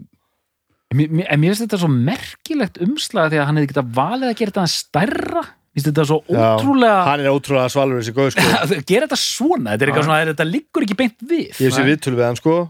Og hann bara, á þeir voru búin að velja myndina. Þeir vildu hafa þessa mynd. Og ég þurfti bara að gera eitthvað við hana og hann bara inverteraði henni og henni gett litla í miðunni Latur og þetta er svo ógæðislega flott sko. flott. Þannig að þú veist, ég held ég sé svolítið að velja þessa plötu bæði á hérna Djúlir samt fegin að þú doktor gerir ekki að sama. Innvertaðir og settir þetta pínu lítið í miðuna Þetta er svo sem það spænal tap hérna, með Stoneheads. Bæði vegna sem ég finnst þetta, þetta já, mér finnst þetta svo töff. Eh, þetta, er- ég held ég sé samt líka að þessu sko, takk þessa plötu, plötu frekar en hina vegna þess að eh, ég er ekkit rosalega mikill New Order maður. Mm mm. mér finnst New Order ekkert slæm hljómsveit. Ég er alls ekki njórðumæður Enga við. Þetta Eh, mótið njú orður það mér, mér er al, Ég hef aldrei fílað þetta bara. Já, mér finnst þetta það ekkert leðilegt sko. Mér finnst þetta allt í lagi. Þetta, þetta pyrra mig ekkert. En mér finnst Closer miklu nær því að vera New Order heldur en Unknown Pleasures. Og, og, Það er og, og, og, og mér finnst þessi syndar ekkert ekkert, þú veist það er ekki uppáhaldið mitt sko. Uppáhaldið mitt er þetta, þetta stór undarlega tromm og svo alltaf þessi þessi óskýranlegi bassaleikur sko. Já, að því að hann er alveg glórulaus og glæsilegur sko. Mm. og illa spilaður og, og bara eh, hjartað í þessu svo risa stórt sko. Svo fyndið með, með, með Closer þegar maður er að heyra þú veist, ma- maður er alltaf að tefla þessu fram sem einhverjum meistarverkin sko, þeir eru basically að læra á sinþana á þessari já, þeir eru ótrúlega klöngi sko. já, já. Fyndið þessi sögðu, fyndið, ekkert fyndið þessi þegar þeir föttuðu að hann var dáinn Já. Curtis og þeir voru ekki búin að gefa þessa plötu út og það, það, það er sko það, það er sko svona túm svona, svona Gra, grafkölvi grafkvelving á coverinu. Mm Hva- hvað er að fara að gerast hérna eiginlega sko? og bara, æ, fucking shit. Ían það var bara sko, það var satt við hérna, Peter Saville hérna. Peter það er grafkvelving á um já, já. Oh, anskotin fuck. En sko það er mér fyndið að fylgjast með dýnamíkinni á þessum mönnum. Bæði gömul viðtölu og ný. Svo gaman að velta fyrir sig Já. hvernig, hvernig hljómsveitur eru byggðar, byggðar upp. Já, bæðan sömnir er alltaf greinilega sko heilin í bandinu, hann svona Mm. virðist þeirra svona þú kannski getur sagt mér eitthvað meira. Ég, nú er ég, ég er svolítið svona ut- setið utanfrá. Hann verðist vera svona þessi þessi svona prímusin í þessu öllu saman. Mm. Peter Hook er er, er trúðurinn og brjálæðingurinn. Mhm. eh, Það eru prímusin eða príusin það var ekki til Prius á þessum tíma þannig að hann er þetta Steve, Steven Morris, trommuleikari hann er gaurið sem er svona með já, en gerir það mjög vel. Já, já. og svo er hérna introvert furðufuglin sem er Ian Curtis. Mhm. og þetta er bara þessi fjórir alveg svona típist svona, svona músík sem þarf til þess að svona hljómsveit gangi. Það er eitt sem að svona lætur þetta ganga að þetta þarf að ganga. Það er eitt sem að tekur hana hérna á þetta. Þetta er bara, ég sé bara mjög böba alveg alla leið sko. Mm. uh, svo er það þessi sem bara gera það sem þarf að gera og trommar bara þegar það þarf að tromma eins og maður. Og svo er það þessi sem er með hérna einhvern X-faktor sem að, sem að sem að er bara snillingur. Ég held að ég segi sko þetta er nokkuð sko, þetta er bara nokkuð næri lægi sko, ég held að mitt sko þeir voru einhverju fóstbræður allavega í blábyrjun sko, Peter og hérna og Bernard er hann ekki hættur í New Order? Jó, þeir, það er bara rosa mál sko. þess að hann var reyla reg eða þú veist, hann var hættur og síðan byrjaði eh, eh, algjört svona vafstur en þess að New Order er núna án Peter Hook hann var eiginlega ekki rekin en hljómsveitin eiginlega hætti og byrjaði aftur og það var ekkert ringt í hann sko. Gamla trikki gamla trikki Já, við erum alveg þarna, já og, Og hvað, hvað var vandamálið? og sko ég veit ekki sko, veist, en hann er alveg brjálaður sko. P- Peter Hook er alveg og gramasti maður bara sem þú sér sko. alltaf hlæjandi reyndar en rosa gramur sko. Mér finnst þess að vittur við hann, er Já. alveg hann, hann bitsar yfir öllu og er svo alltaf svona já, alltaf hlæjandi ægilegur uksi, sko og þeir voru einhverjum svona, eh, alveg í blábyrjum voru þeir einhverjum svona fórspræður og ég með, lýsing þín og Stephen Morris er bara algjörlega spot on sko. en síðan kemur hann að Ian Curtis með þetta, eins og kona saði sko, honum, og maður sér það alveg hann er þessi eh, hann- vill vera þessi rockstjarn og hann er að fronta þetta. Já, já, já, honum langaði bara til að vera Jim Morrison alveg, sko. alla leið, sko. Og þú veist, en lítur út eins og Mr. Bean sko, en hérna sko Bean, já, en, en, en hann sko, þegar maður sér þessa tónleika, hann alveg púlaði þetta sko, en bara því líkur sko, þegar maður heyrir hann tala á milli laga og bara svo- svona feimin og hérna Hmm. en, en sko nei, og, já, ég ætlaði að koma með að fólk, fólk sem fylgdist með þeim í návi þróast bandið Já. það bara það var svona í sjokki sko, hvað þeir tókur svona stórstífum framförum bara mánuð til mánaðar sko. Já, já. S- spi, spila Spil, spilalega, lagasmíðalega séð, textalega og, og það var einhver að lýsa því að bara ég sá það á sviði og bara, vá, við trúðum ekki hvað þeir voru orðnir góði Já, þeir voru bara orðnir algjört fenómenon sko. Og þá fer þetta að dreifast lengra út um allt Bretland og aðeins lengra. Já. og síðan er bókar hann Amerikutúr og þú veist þetta er, og þú veist ég, ég er mjög glaður að við séum þó með, við erum með tvær plötur og slatti af efni, þeir gá út alveg slatti af EP og tóltómum og, og singlum sko. Þannig að það er hægt sko, þó maður sé búin að hlusta á öll þessi lög miljón sinnum komi eitthvað hann og Ég er eitthvað hef ekkert hlusta á þetta miljónsinnum sko. Það er ekki þannig. Nei, nei, en þú ert að hef- fíla þetta. Ég sé það alveg. Já, mér eru alltaf fundist þetta frábært. Mm en, en, en, en sko ég, ég ég tók þetta alveg sérstaklega fyrir núna af því að þú valdir hérna þessa, þetta er eina plötunum sem að mér var færið hérna í, í stegja, steggjapartíinu. Þannig að ég hugsaði bara sem nú var nú einn af tilgangunum með því að mér langaði alltaf að byrja með bestu plötuna það var bara að gangi í verkin sem ég hef ekki ennþá gengið í ég, Mm. ég, ég, ég hef rent þessum plötum báðum oftar en einu sinni gegnum tíðina Já. en, en, en þú veist, ekkert meira en það Já, ég veit bara að þetta er mjög mikilvægt og mér finnst þetta mjög töff Já, Mm. um, en, en núna fór ég og hlustaði sko, Já. og, og, og hérna töff og, og, og, og bara já bara Já. myndaði með skoðun almennilega og bara fór svona að kafa betur hann í söguna og svona að tekka þessu Horfður á heimildamindina? Já, ég horfði á hana. Já, já, hljómar þannig og síðan er líka, Hvað myndir það? það er til rosalega, hún er rosalega góð hún er Rosalega- algerlega frábær rosalega fín heimildamind Ég ég er að sökkur fyrir hún, heimildamyndinu hún, ég, held, hún, ég, held, ég held hún heiti nú bara Döti Vissum sko. já, alltaf ekki síðan gerði sá voru til tvær Hún þessi var að- gerðilega miklu meira Hlýtur official að sko. það og vil tala svo part Nei, því við- nei, ég held að Bara ég- allt annað heiti það. Já, ok. Það hefur verið rífið svo mikið á fundinum. Ok, við erum með 20 titla sem geta verið frábærir á svona heimildamind, hvað er Mm. að gera? Sem bara, ah, ok, kollum hana bara Döti Vissum mm. allan að heimildamindin er mjög góð. Síðan er kvikmynd eftir hann Anton Corbin, ljósmyndara. Já. kvikmynd sem heitir Control. Já. Já. hún er mjög góð. Það er bara leikinmynd sem fjallar um Ian Curtis og Döti Vision og öll þessi æventýri ég já, já, er búin að sjá hana tvísvar þessi öll þessi þess að Jói Divis og krakkarnir lenda í æmynd já, hoppandi um í versmiðunum og þefandi af svörtum blómum.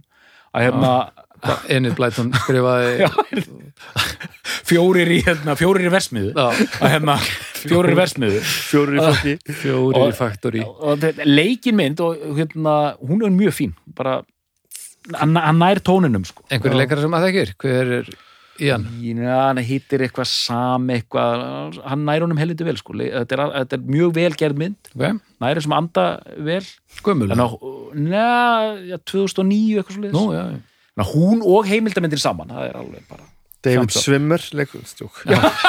Nákvæmlega. David Swimmer og hérna, hérna og, og, og, og hvað heitir hann, Matt hérna Damon Matt Damon leikur trómaran Willem Dafoe er Vil, vil, Peter og Willem Dafoe leikur að sjálfsögðu Peter Hook það kom enginn að það greina. En, En- sko hér eru við á slóðum þar sem að ímyndin er rosa stór partur af því að hlusta á þetta band. Já. ég, ég, ég held að sé rosa erfitt að ímynda sér að hlusta á plötunar með, með Joy Division á þess að vita hver, hvað þetta er og ætla að gera sér þá í hugarandi hvað mann, manni myndi finnast að þetta er rosalega skrítið sko mm -hmm. og ef þú myndir ekki geta sett í samengi við neitt hvorki staðsendingu eða tíma eða tónlistæla sögu eða nokkuð skapaðan hlut mm. fyrir kannski utan Lovell Tellus Apart sem er náttúrulega svona einhver, einhver ælur húkur sko. já, já, og, og þú veist það eru fleiri, fle- fleiri riffarnar sem að gera þetta pínu hjá þeim sko. Mm. En eins og Unknown Pleasures, ef þú myndir ekkert vita þá bara, mm. hvort með myndir þetta falla myndir bara finnst þetta frábært eða bara allt of eitthvað sko. Já. að þetta er allt og allt og alls sem margt Já, ég mynd það sem þeir gera í lífinu verður að fylgja því sem er að gerast á þessu til virki upp, gangi upp sko. já, það er pínu þannig sko. þeir, þeir mætti ekki eiga partibúðina skilur og gefið út Nei, og þú veist, þe- þetta eru 20 strákar árið 1979 en ekki 45 ára gamli menn árið 2017 þú veist, það myndi aldrei virka sko. Nei. En þeir sem líka, sko, ég held, eh, þeir sem hlusta á Division á unglingsaldri, það eru þessar sömu típur sem áttu síðan, síðar eftir að hlusta á Smiths. Já, já, Svona þessar Já. búki, hérna, listatýpur, sko. Já, já, Og hérna, þú veist bara...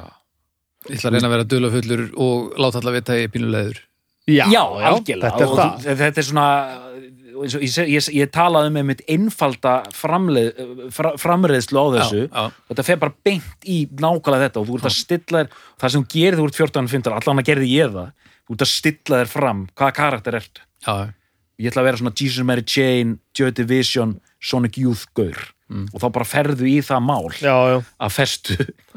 Ég, ég, gekk, ég gekk í fött þegar tíundabekku byrjaði þá var ég í fötum sem mamma kefti og hálfóri síðan var ég mitt farin komin í þennan bakka sko. já, já. farin Mm. að kaupa með Converse sko og hérna sí, síða frakka sko já. og svo pakka og maður skilur það alveg þú veist, maður, ég, þetta er þetta er mjög heillandi. Já, já, þetta er svolítið svona ég hef eitthvað að segja. Já. og, og hérna ég er flókin persónuleik Já, og allt þetta þetta er mjög- mjög- sem að er alltaf bara rugg maður er bara, þú veist, er að finna sjálfa sig og það gengur ekki vel. Og þykist þeir eitthvað að standa út úr fjöldanum eitthvað? Hei, sjáðu mig, ég er búin að samla skeggi nýr á, á bringu. Ha, ha, ha, ha. og hann er með, þú veist, og þú, þú ert með línur þarna, þú veist, þetta er líka svona eins og með, með Kurt Cobain og, og hérna ég var að fara að segja, þetta er bara, þetta er svona er náskilt þú, þú, þú Curtis á, hvað er þetta? þetta er, lifir þetta ekki á Reddit? Eða, nei, Pinterest, Pinterest. já, skrifar þetta á Pinterest, þá færður svona, þú veist, karikatjúra af Ian Curtis með svona línum undir og þú já, veist, já, já, einmitt, eins og einmitt, hérna- einmitt, einmitt.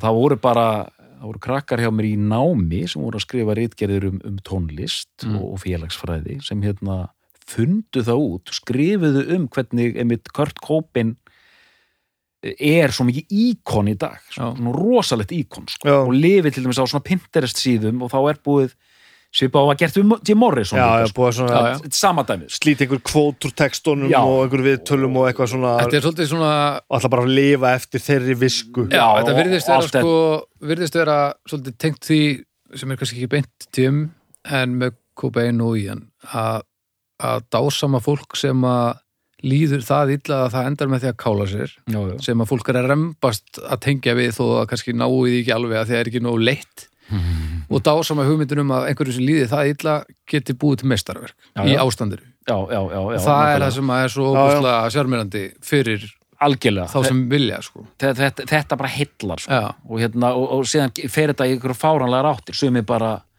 sumir, sumir bara elska þess að menn fyrir þetta bara, já, hann bara. Hann vissi að það var bara ein leið út sko, la, la, la, la. Já, nákvæmlega, um ná, að mjög getur tekið mjög harðan vinkil á þetta líka þetta er mennindir sem gáfast upp sko. já, já, já.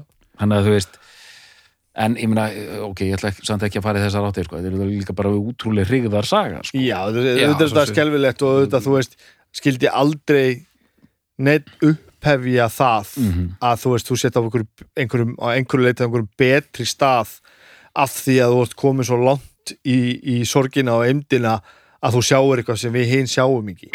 Þú veist, þe- þetta er bara þvæla. Já, já, en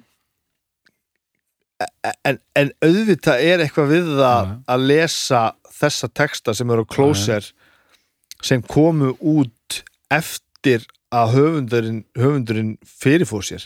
Auðvitað er ekkert hægt að horfa framhjá því það er einsýn í eitthvað og, og, og þú veist, ef þú skoðar þessa texta mjög ánað með þess að sagðir áðan þeir eru ekki fullkomnir, þeir eru svolítið primitífur Mhm. hann er oft svona borderland kjánalegur Mhm. og svona of svona exposed í þessu en, en auðvitað er þetta einhver auðvitað er þetta einhver ein- einhver sín hann inn í einhvern einhvern, ein- einhvern skelvingar heim sem að maður heilla svolítið af en því þetta er gott ef honum hefði bara batnað hvað sér ef honum hefði bara batnað, hann hefði bara jafnað sig og bara, þá hvað? Já, og, og þetta hefði bara komið út Músikinn eða Þætti- textatin eða bara pakkin Nei, mér finnst þetta mjög góður punktur, Baldur, að hérna, það sem við erum að tala um núna er mjög mikið svona eftir á dæmið. Já. Þessi plata verður rosalega mikið til í ljósi Já, þessi já. gerðist. Já. Það er annað er óhjákvæmilegt. Hérna, Einmitt, ef hann hefði lifað áfram og þetta væri hérna plata tvö af fimm plötum sem Jóti Vísum gaf út, sko. mm. Einmitt, það væri, uh, díalókurinn kringum þetta væri bara öðruvísi. Já, já, Ég var, ég var búin að greina hérna, hérna, hérna, hérna ég var búin að greina hérna uh, hlið tvö á, á, á, á klósir. Heart and Soul, mhm, ákvörðunin. Mhm. 24 Hours, mhm, sjálfsvíð The Eternal. Mhm. Jarðaförin Decades. Stend við hlið himnaríkis holy moly. Já, ég ætla að ég ást um þetta. Já, já, Ég held að þetta hafi bara verið bara ungur maður sem, að, sem fyrirfjóð sér í, í, í slæmum aðstæðum og stundabrjálaði hann alltaf bara fór að tala við hann var alveg búin að segja að maður var að koma á túrin og hlakka ægilega til. Uh, hann vissi að hann var í vandræðum að því að hann var farveikur og vissi hvort hann myndi ráða við þetta. Já. svo fór hann bara að tala við, við konuna sem hann var að skilja við og átti bad með og var hann sannfærun um það að taka hann aftur og hún sagði nei og þá draf hann sig.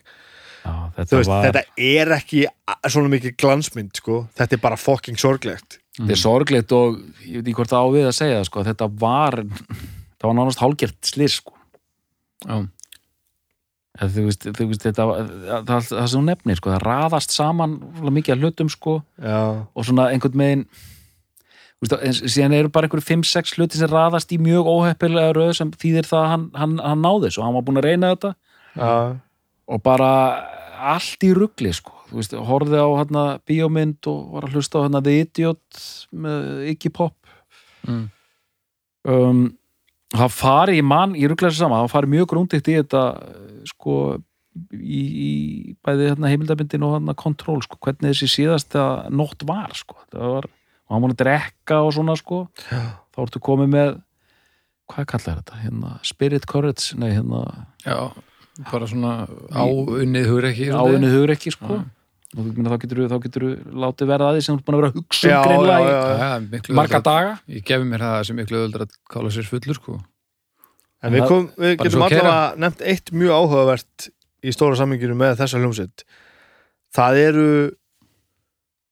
það, það, það eru hljómsveitirnar og listafólkið sem það sem tónlistin er betri heldur en bandið mm.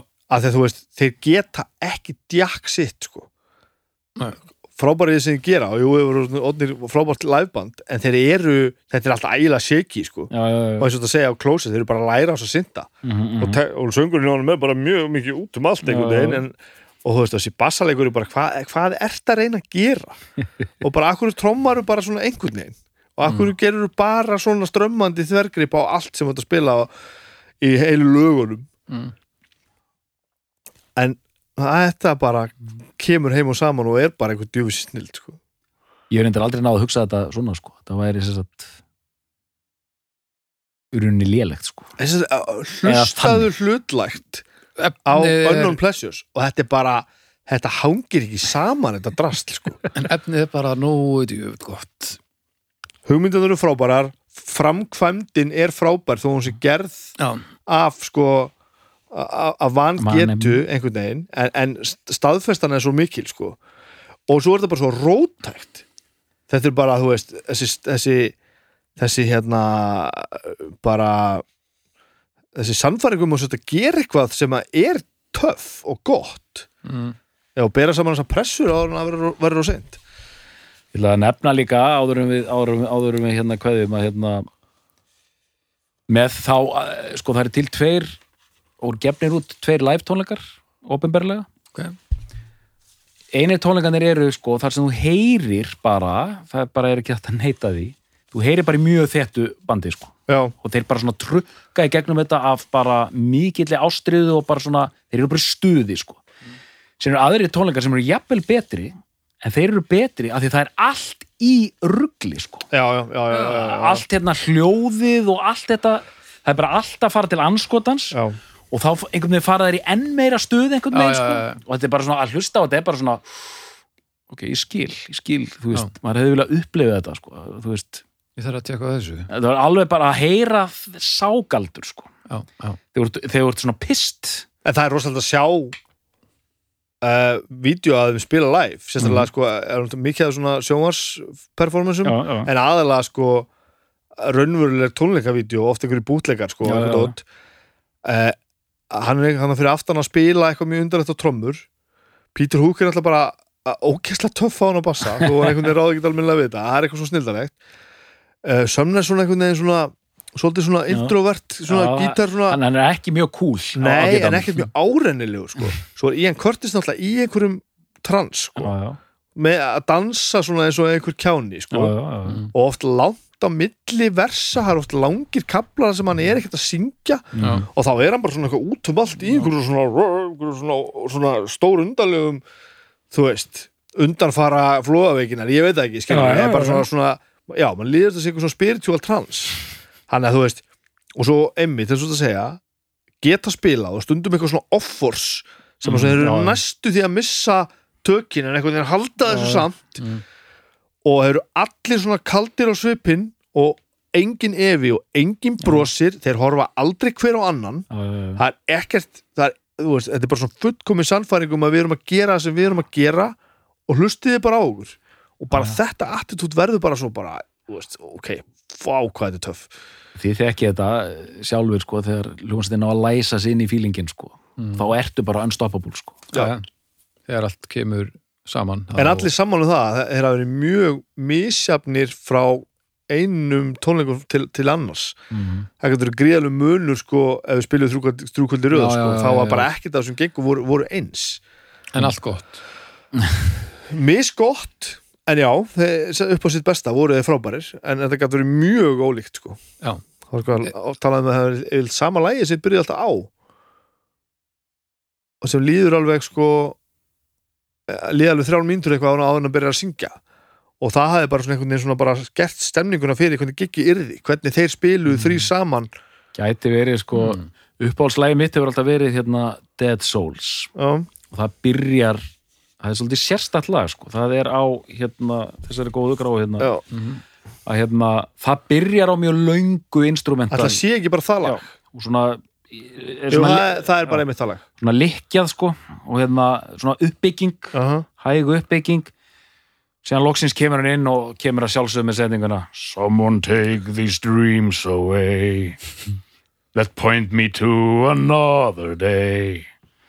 Imperialistic. Þetta er bara svona tónandi svona niður bara inn í einhverju kapellu finnst manni sko. Uh, hear, they, já, hear them calling me. Hear them calling me. Maður bara dude, sko, rólegur sko. því líkar línur maður bara, wow Já, þegar hann er bestur þá er hann frábær sko. og lægið heldur alveg rosalega sko. fimm mínútur sko bara, þetta er alveg bara frá upphafi til enda maður er bara svona og einhvern veginn góður svona rífandi gítar í þessu lægi einhvern veginn sko er, eit- þetta er svolítið sérstallega sko elska þetta En hvað er þetta sem að neldi þig svona mikið við þetta band? Var ímyndin eða samtíð eða Nei, tónlistin sko. Já. og þá bara, ferskleikin bara. Já bara þá, þá greinilega bara hvernig lögin eru laga smíðarnar mm og soundið sko. Það fyrsta sem ég er, ég vissi ekkert hvernig þetta ég bara var bara með þetta. Já, ég, ég vissi ekkert hvað menninni hétu eða hvernig Nei, það lit út er hvað ég var með höndunum. Þetta gefur ekki stemmaran sko. Gefur ekki stemmar, fyrstu þrjú lögin eru mjög pönguð og ég var bara svona, hmm, já, ná, Warsaw. One, two, three, four. Bara, já, síðan þegar ég heyri þessi stjóðdivisjónlög þú veist, bara þessi venjulegu þungu deprimerandi lög, sko það var það sem kvekti Já. allt en ég er laugin, sko mér finnst laugin svo flott bara hvernig Já. þau bara, þú veist, með sérstaklega bassin, sko þú veist, bara hvernig þau byrja bara, þú veist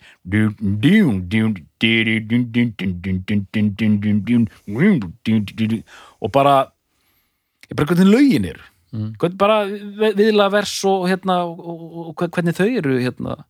Og þið getur kannski satt mig meira um það sko. Hérna, því ég hef ekki ég greini það ekki nægilega mikið niður sko. Það, bara ég fundi svona rauðan þráð í gegnum þess að þætti sko hjá þér að, að þú hérna þú verður tengjar alltaf svolítið mikið við þegar hlutin eru cool. Já. þegar músíkin er töff sko, cool. Já, já, já, og, veist, og það er eitthvað element í þessu sem er svona, svona super cool, þeir eru ægilegi töffara sko, já, já, já, já, svona, já, tö- svona töffara gangur í músíkin einhvern já, veginn, já, já, já. svona yfirgengilegt einhvern veginn svona hlustaðu bara. Já, já, já, já, einmitt, einmitt. Já, það er svona er hægt að segja það lögin er þetta aldrei svona reffileg og, og Já, cool. og þau Já, eru já, það, já. sko, þau eru þetta bara drullu töff. Þetta er bara svona eins og þú veist sko, in- eins og Interpol sem ég fíla, ég fíla Interpol sko. Já, ég já. það líka sko. Og bara, það er einmitt gott dæmi, þú veist, já, við getum alveg hleyjað þeim og allt það, sko, en til dæmis bara platan þeirra þarna, Turn on the Bright Lights það er mjög svöl plata. Já, það eru mjög mjög- Og bara- töffarar. Og lögin þar eru mjög cool bara mjög töff og eru í þessu einhvern veginn í þessu formi, sko. Já, akkurat. Það er mjög áhugavert, ég fór að hlusta á þetta núna eh, þá fór ég að hérna heyra hvað íslensku pöngarðin hafa hlustað mikið á þetta. Mm -hmm, já, eh, þú veist, utakasmenn og, og sko þeysarnir. Mm. já, já, já, þú, þú veist að fullt af Joy Division í þessu stöffi svona rólegu lögin mörg með, með utakasmönnum Mhm. mikið af því sem þeir gerðu sko. Mhm. og, og fleiri bönd sko og, og ég bara setti þetta ekki samingi fyrir, Nei. fyrir ég var í, í, í hérna í þessum pælingum mínu núna. Bara djöfull hefur þetta litað margt. Já, þeysararnir voru alveg að dýrka þetta, sko. Það lítur bara að vera. Bara alveg- þeir voru og Flósi til dæmis og Já, já, já, alveg heldur betur sko. leikiðin í ham. Þeir eru nú ekki, já, ekki að, mikið að, að brosa. Banna að banna að brosa. Til dæmis bara, sko lag eins og, ég er að reyna að humma þetta lag eins og hérna Means to an End, sko sem er bara svona sem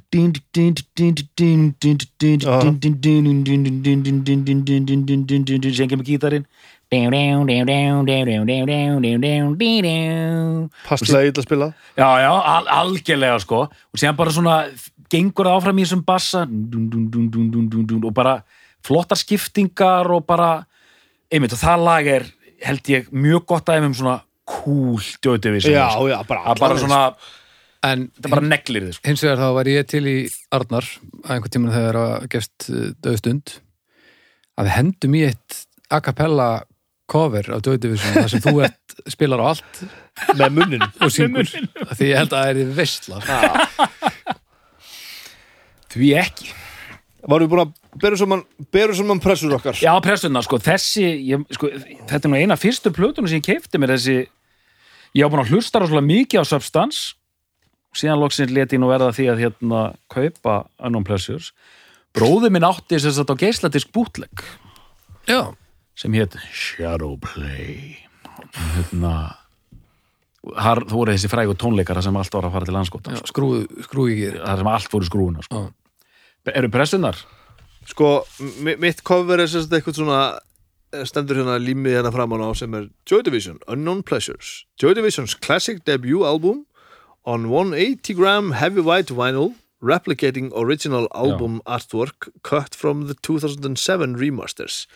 Og þetta, þetta original cover er svona með þessum textjur hérna Já, já. maður klórar hérna í coverið það er svona svona út með klórukoferi það er svona eins og þetta sé svona pappi lagður hún á strega eða eitthvað svo leis Þú Það er ert svo- að fá sko það er svo glæsilegt vitu, ég verð að taka mynd hreinlega, alltaf þegar að doktorinn þegar að við erum, nú þetta er þriði þátturinn í kvöld sko, þegar að doktorinn verður að rýna í plötuna, ég ætla að taka mynd hérna. Ríndu og rýndu svona af, og, og, varst, á, verður alltaf svona brúnaþungur.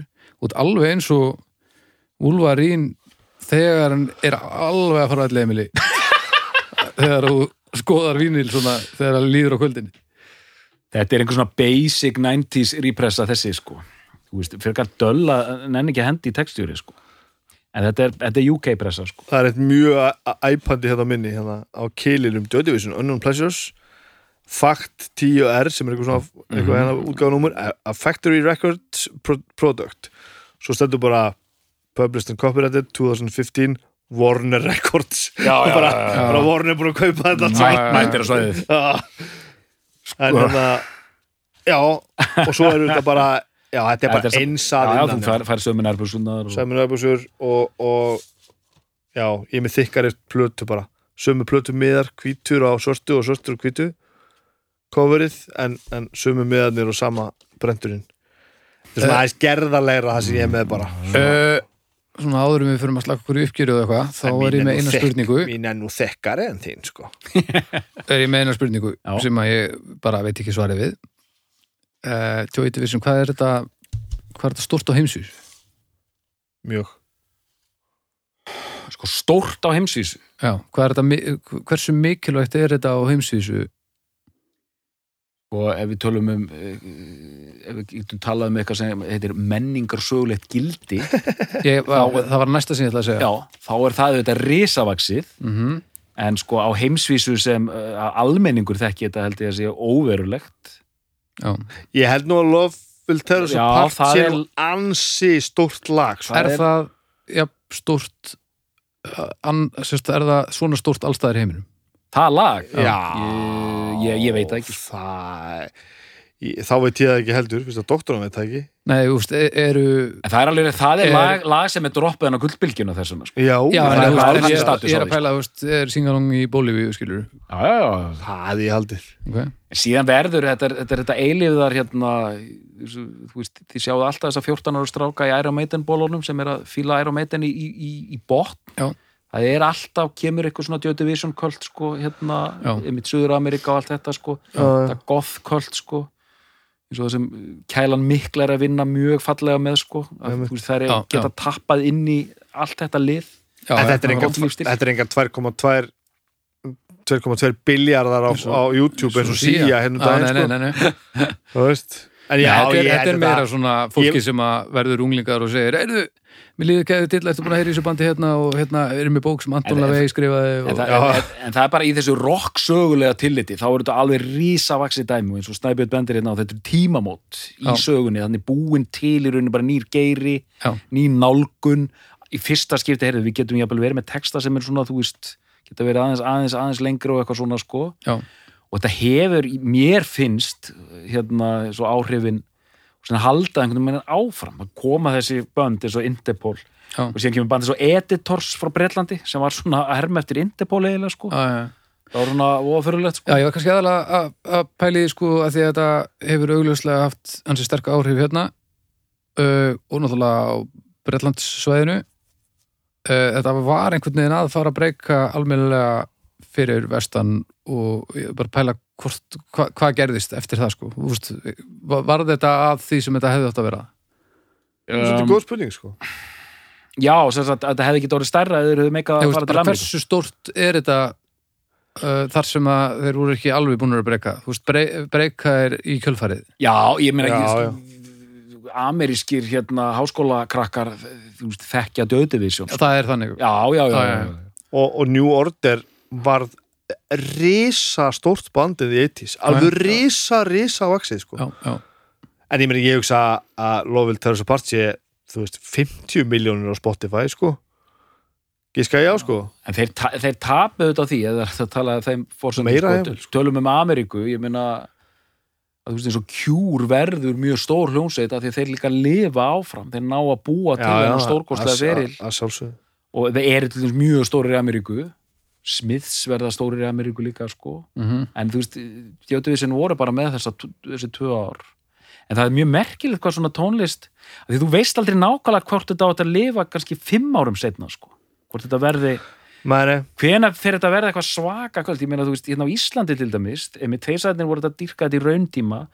Hér á Íslandi mausararnir og allir þessir gaurar, þeir uh, dýrkuðu Joy Division sko. Joy Division, Spotify. Ok 3,6 miljónir monthly listeners. Love Will Tear Us Apart 2020 remaster uh, 192 miljónir 612 já, ok bara mjög, 1344. mjög, mjög, mjög, mjög, mjög stórt lag. Það er bara vel tekið það en Disorder 2007 remaster er næst með 77 miljónir svo 30, 28 og 34 já, ok, þetta er svona þetta stórt telur alveg í 20 miljóna wow, ok, glæslegt og þetta er sko og þetta eru remaster 2020 sem það er sko. Já, því er að þessar tölur árs, eru árskamlar þetta eru, þetta eru bara kandi ferska tölur ekki nema er að sé nýjustu. eitthvað, eitthvað fiffir hjá og, me- og menn hafa verið duglegir já, reyndar, já, við glemdum að nefna það. Hérna, áður en við erum skammaði fyrir þá umræða hópnum fyrir að hafa glemt að nefna eitthvað. Að hérna menn hafa líka verið duglegir við að endurpakka þessu sko. Það er alltaf Já. að koma reglulega einhverja saplutur og Já, já. boxset og svona dótar í sko kom ég á eitt, eitt svona boxset sem er svona fjagra diska boxset, þetta er Heart and Soul það sem er bara tæmandi sko það er bara allt rastlið, allt rastlið bara sko. bara allt rastlið og tónleikar og dótar í sko já, já, mm. Þannig að, en, en mér finnst líka mjög gott hvað það sagði þér, einmitt, mjög, mér fannst mjög merkilegt að hann sagði þetta, Peter Hook, sagði bara, það var svo, það var svo auðvelt. Já. Lögin bara runn úr Já. okkur. það bara, það var engar e- efasemdir engi þröskuldar þú veit aldrei að býða eftir neinu bara mætt á æfingu. Kannski var einhver með riff, yfirlt ekki ég byrjuði bara eitthvað að spila. Og og, og Curtis bara var alltaf bara ég- já ég er með, hérna, ég er með texta við þetta. Ótrúlegt, sko. og ekkert pælt meir í því. Og lýsaði þegar gerir lofið þess að part. Það bara, já ok, flott riff. Herri, ég, ég er með hugmynd með þetta hérna, það er þetta hér. Og allir bara, já, já, þú, er lott Og þar náðu þeir auðvitað, þetta er rosalegt lag, sko, en ná að búa til þetta poplag, sko. Já, án þess að svíka málstæð það er eiginlega galdurinn. Það er er ótrúlega- geðveitt katsi og geðveitt aðgengilegt og geðveitt útvarsrétt allt saman en það er samt ekkert furðulegt í samingi við þessa stór mm. furðulegu músík sko. Nei, nei. Þa, það er alveg magnað sko. Eri, Já, Já, það er uppgjör. Það er uppgjör. Snabbi, þú byrja Já. Eh, Viðurkenni hér að ég kom inn í hennar þátt aðeins að veikum mætti ég var ef, ekki var það nú að heyra. Já, Nei, minn við- Þú kæri. feikar það vel feikaði það vel eh, veikum mætti er þetta kannski ekki rétta orðalagi en svona Ó. eh, eh, ég, ég skulum segja að ég hafi sett upp aðstæður og síðan nýtt mér tækifæri til þess að setja mig aðeins betur inn í þetta band heldur en ég hef hingað til gert vegna þess að það, ma- það ámaður að gera ef maður er áhuga manneskja um, um mú, músík mm. að maður verður að vita ákveðna hluti og Joy Division er eitt af því og það var mjög gaman og ég hlustaði á þetta allt saman ítarafni sem þú sendir, sendir okkur og, en, en, en ég þurfti alveg að mynda mér skoðun sko. Þú veist ekki að, að rifja upp gamla skoðanir, þú veist meira að, að frum skoða sumt já, ég var kannski ekki að frum skoða en, en ég hafði bara ekkit þessar Endur frum skoða ég hafði ekki þessar, þessar eldheitu skoðanir á þessu sko þannig að þau þurfti að fara að velja bestu plötuna þá þurfti ég svolítið að velja hana Já, bara núna já, sko já, já, já. uh, uh, en Frum- það var hins vegar ekkert mjög erfitt mér, mér finnst þessi plata bara eitthvað svo frábær sko. Mhm. hún hitti mig einhvern veginn svo snildala Mhm. hún byrjar svo glæsilega og, og þetta er svo glórulaust en samt svo glæsilegt sko. Mhm. og náttúrulega bara, og bara að segja hennar hundrasinu bara í ljósi sögunar er þetta bara svo ógæðislega mikilvægt og töff sko.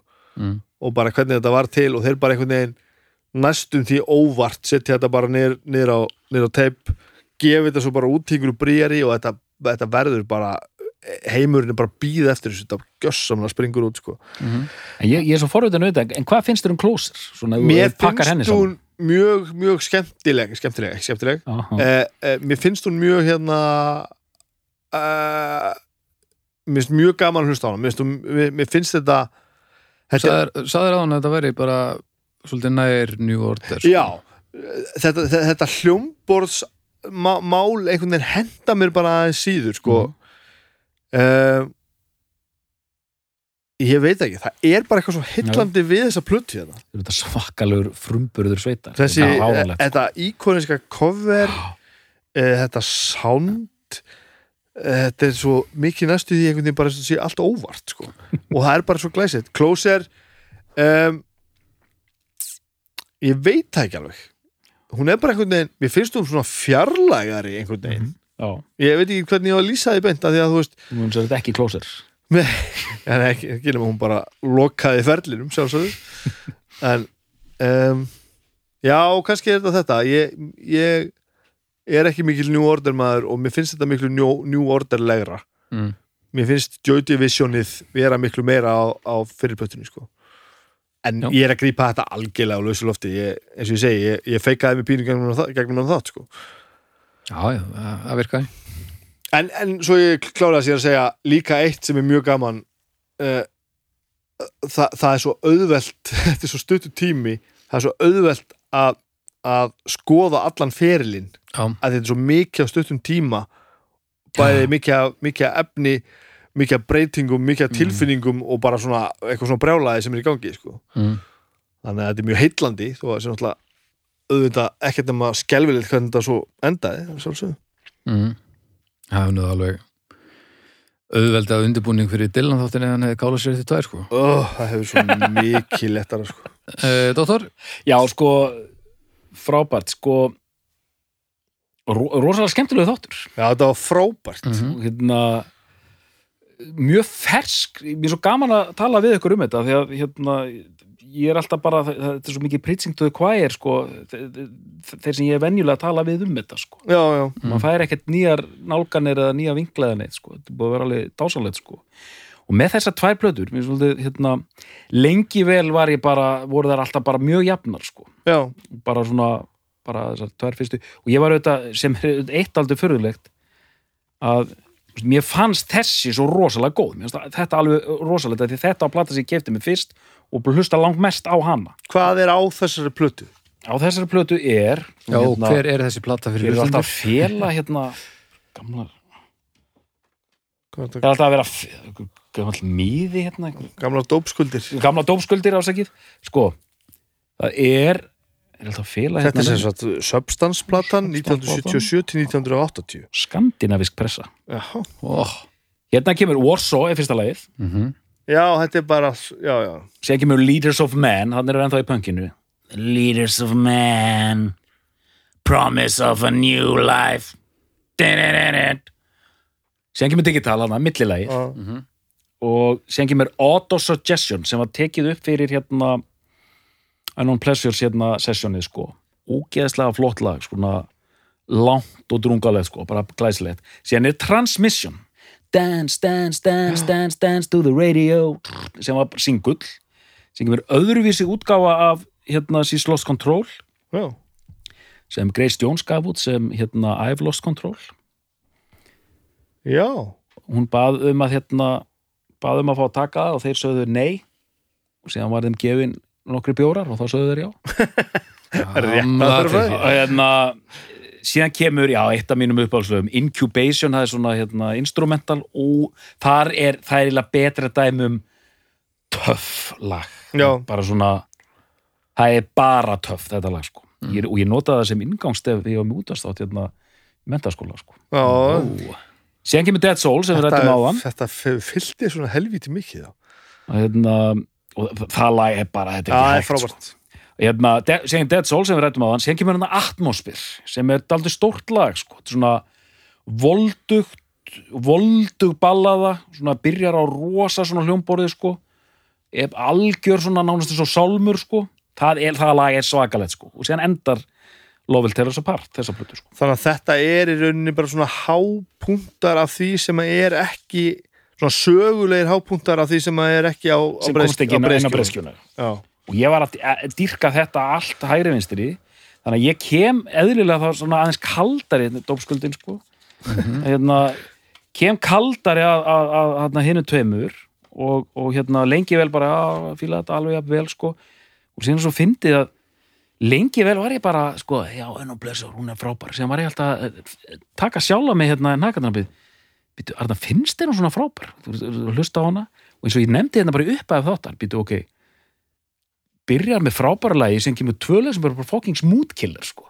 já þú upplifir það þannig. Já, ég meina, já, ég, ég, ég verið að hlusta á hana bara svona að ég er ekki að fíla þessi lög nógu vel. Hvenær koma skemmtilega lögin sko. Já, já. að svona, ok.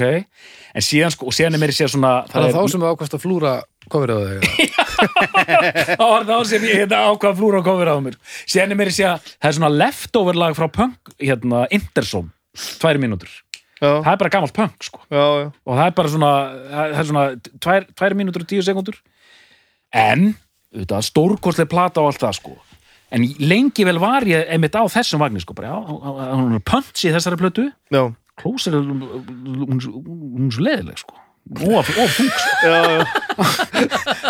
Og bara er, ok það er hlusta á þess að hlusta á hana Pleasures, það er svolítið punch í henni sko. En nenni ekki að hlusta á hún- þetta er of hefi sko en síðan svona hérna er ég einhvern veginn komin alveg á það að Closer sé svona þeirra meistarverk en alls ekki gallalus heldur. Nei, þetta þegar ma maðurinn er er verri söngvari skilur og var kannski aldrei frábær til að byrja með. Nei.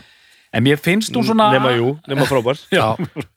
Og mér að þú veist, mér finnst til dæmis bara hvernig hún byrjar þarna með Atrocity Exhibition, það er rosalegt sko svona, en þú veist, það er lög ég meina Colony er til dæmis lag sem ég alltaf átt mjög erfitt með sko, mér er alltaf þótt að bara leiðilegt. Já, já. þannig að sko, bara, þetta er leiðilegt lag.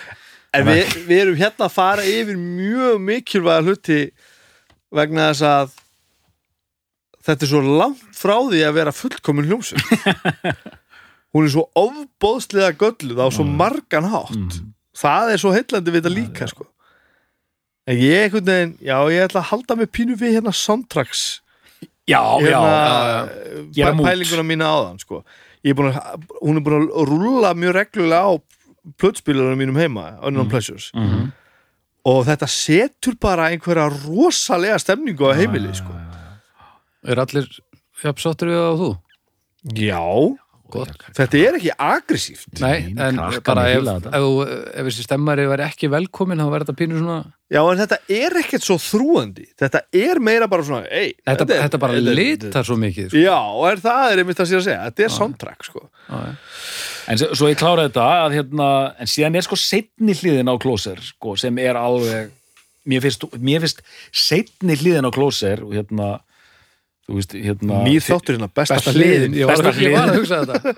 ef, við- ef við tökum þessa hérna, ef við tökum þessa tilgerðarlegu innramun mína hérna, fyrir þættinum á þessum lögum Já, að mér finnst setni hliðin vera bara listaverk sko, af því að hún rúlar svo þú veist, Heart and Soul er svona mjög múti 24 hours, rosa uppbrott, mjög aggressíft Mm. og sem koma tvö svona algjör dauða lög sko, restina Já.